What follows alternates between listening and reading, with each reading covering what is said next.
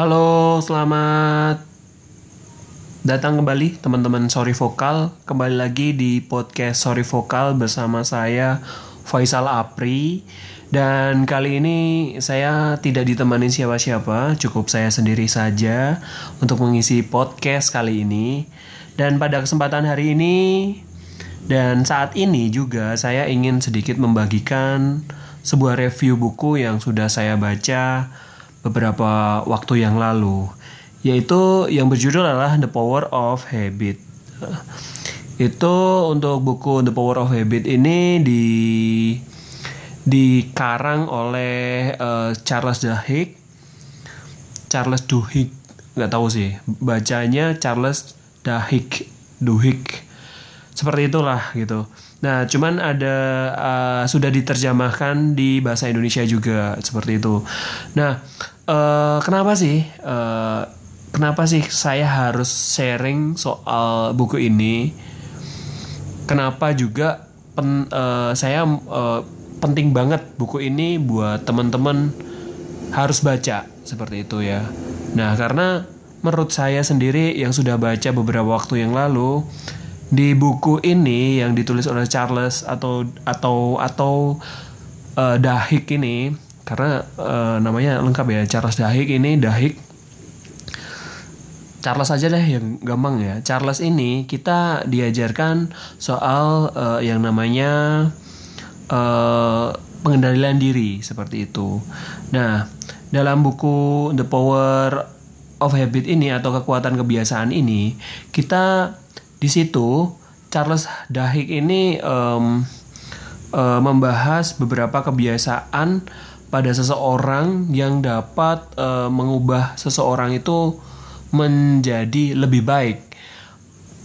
Mungkin kita tidak disadari bahwa ketika uh, pertama kali bangun tidur seperti itu jawaban jawabannya adalah uh, sangat beragam ya mungkin ya ketika kita bangun tidur kita kita tanya kegiatan kita apa yang anda lakukan ketika anda bangun tidur? Mungkin banyak sekali jawabannya. Seperti halnya saat bangun tidur ada yang bergegas ke toilet untuk kencing ada yang uh, bergegas untuk menuju dapur untuk minum atau ada juga yang uh, bergegas mengambil air wudhu karena mungkin uh, uh, mungkin yang muslim itu uh, telat ketika sholat subuh seperti itu atau ada juga yang mungkin tiba-tiba uh, langsung berkaca atau cek handphone dan lain sebagainya pasti itu kebiasaan-kebiasaan yang uh, yang bagi siapa pun pasti beragam bagaimana dia ke menjawab ketika ditanya apa yang Anda lakukan ketika bangun tidur seperti itu ya. Nah, namun uh, kebiasaan itu tampaknya sangat-sangat umum sekali. Uh, dan dapat diberikan pengaruh besar bagi siapa pun, terutama pada diri kita sendiri. Nah, sebuah kebiasaan sehari-hari dapat muncul kepada pola yang dicerminkan oleh karakter pada diri kita. Sebenarnya, eh, kebiasaan itu atau karakter itu berasal dari kegiatan yang berulang seperti itu. Nah, di di buku Charles Duhigg ini The Power of Habit ini, ini ini kita di diajar atau diceritakan tuh bagaimana bagaimana dapat seseorang itu bertindak yang tidak biasa ketika uh, menghadapi di suatu sesuatu masalah seperti itu. Banyak juga uh, diceritakan bahwa ada kebiasaan-kebiasaan buruk di di balik rutinitas uh, Anda sehari-hari seperti halnya menghadapi ujian, banyak orang yang uh, lebih diam atau tegang terlebih dahulu atau mungkin memainkan sesuatu untuk menghilangkan rasa gugupnya.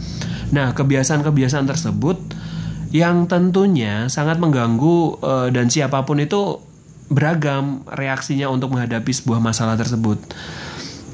Uh, namun, jika kita cari tahu mengapa itu bisa terjadi, akan sangat mudah untuk menghilangkan uh, kebiasaan buruk tersebut.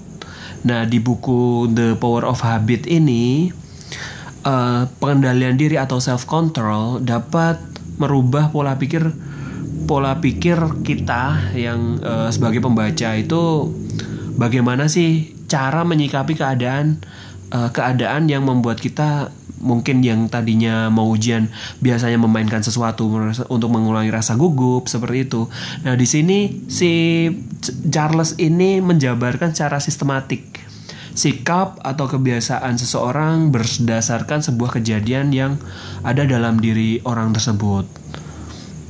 Nah, ada beberapa bagian yang adanya di, di buku tersebut dijelaskan bahwa eh, masalah yang muncul itu ada beberapa at, eh, masalah ataupun eh, bisa disebut apa ya karakter ataupun perilaku yang muncul itu uh, perilaku tentunya perilaku negatif ya yang dijelaskan seperti itu ya yang seperti prolog saya tadi atau intro saya tadi bahwasanya itu akan muncul uh, ada beberapa tanda ada tiga tanda. Yang pertama adalah uh, tandanya masalah tindakan ya kan rutinitas yang dapat menimbulkan uh, habit yang buruk tadi ya kan masalah kemudian rutinitas dan akhirnya membuat ganjaran.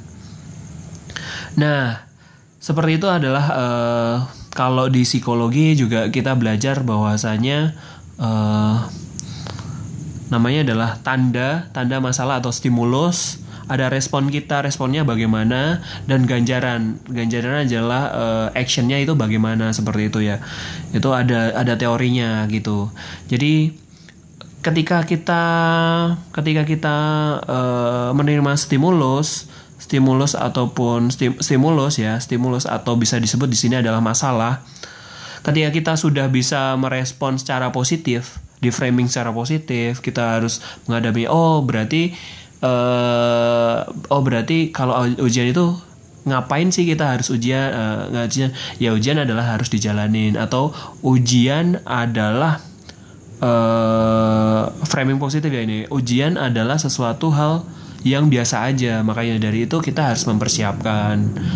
Makanya dari itu kita untuk menilai diri kita kemampuan kita. Bukan bahwa wah ujian nih soalnya susah banget nih gitu nah nah ganjarannya adalah adalah perilaku-perilaku yang dimunculkan daripada kepanikan itu.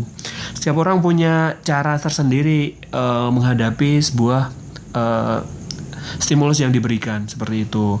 Nah, ini uh, pola atau kebiasaan tersebut dapat berpengaruh ketika kita uh, menghadapi sebuah masalah. Karena dalam bukunya Charles ini dia mengatakan bahwa uh, otak yang mengidam me, uh, yang mengidam atau menginginkan sesuatu dapat memuaskan diri. Nah, maksudnya adalah pengaruh otak yang mengidam terkadang memberikan tindakan-tindakan negatif yang tidak diinginkan seperti itu. Nah, intinya adalah framing negatif ini sebenarnya harus kita jauhkan teman-teman.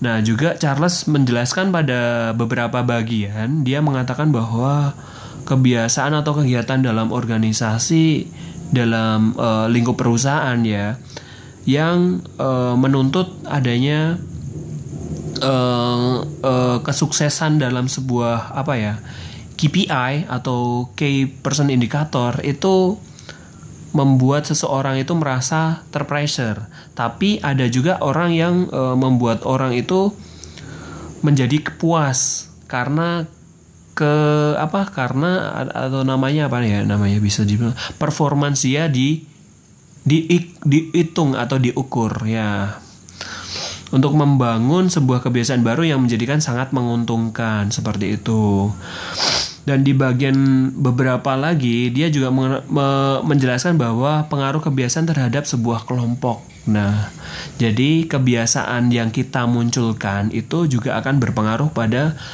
kelompok lingkungan kita seperti itu. Di di buku Charles uh, dijelaskan juga secara rinci dan dan sistematik apik lah seperti itu. Nah, kekuatan yang ditunjukkan pada buku ini tentunya mm, uh, dari dari saya sendiri sebagai pembaca itu menjadi sistematik ya untuk uh, apa ya?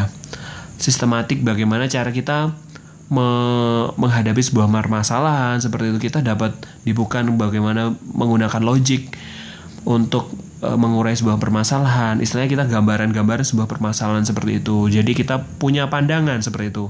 Dan juga di buku ini itu sistematik sekali. antara runtut longkar e, lingkaran kebiasaan yang sederhana namun sangat mudah melekat pada kehidupan sehari-hari. Jadi dia itu mengambil sampelnya itu uh, dengan kebiasaan kita yang pada umumnya yang ser sering kita jumpai seperti uh, bangun tidur, terus kemudian bagaimana kita uh, menata sebuah uh, sebuah uh, restorasi restorasi apa ya namanya restorasi apa peralatan seperti itu. Bagaimana kita juga ini. Nah itu memang kegiatan-kegiatan kebiasaan-kebiasaan yang kita lakukan. Cuman kita jarang memperhatikan secara sistematik apa secara uh, ternyata ini berpengaruh loh terhadap terhadap bagaimana kita kebiasaan atau kepribadian kita ke selanjutannya seperti itu. Nah kemudian juga teorema lingkungan uh, kebiasaan tersebut tentunya dapat memberikan banyak keuntungan dalam aspek strategik oriented ya. Nah, dalam perusahaan dia juga menjelaskan bahwa eh, contoh-contoh contoh-contoh kebiasaan yang baik di sebuah perusahaan, pengambilan keputusan secara mendasar berkaitan dengan pelayanan ataupun secara beruntutan seperti itu. Jadi untuk pelayanan, sektor pelayanan dan lain sebagainya itu ada contohnya juga di uh, di buku ini seperti itu contohnya kayak apa ya mungkin kalau dari diri saya sendiri ini bagus banget bukunya karena uh, sangat komplit sekali untuk bagaimana kita dapat mendapatkan pandangan menata kehidupan lebih baik lagi seperti itu. Bukan mem, uh, bukan ya apa ya lebih tersistematik dan terstruktur seperti itu. Nah the power of habit ini uh, sebenarnya dari dia sendiri juga mengacu pada strategi bisnis ya uh, tentang isu neurologi juga dan uh, kesehatan dan juga psikologi. Meskipun Charles uh, telah memaparkan beberapa penjelasan deskriptif tentang permasalahan sehari-hari yang uh, berkaitan dengan perseorangan.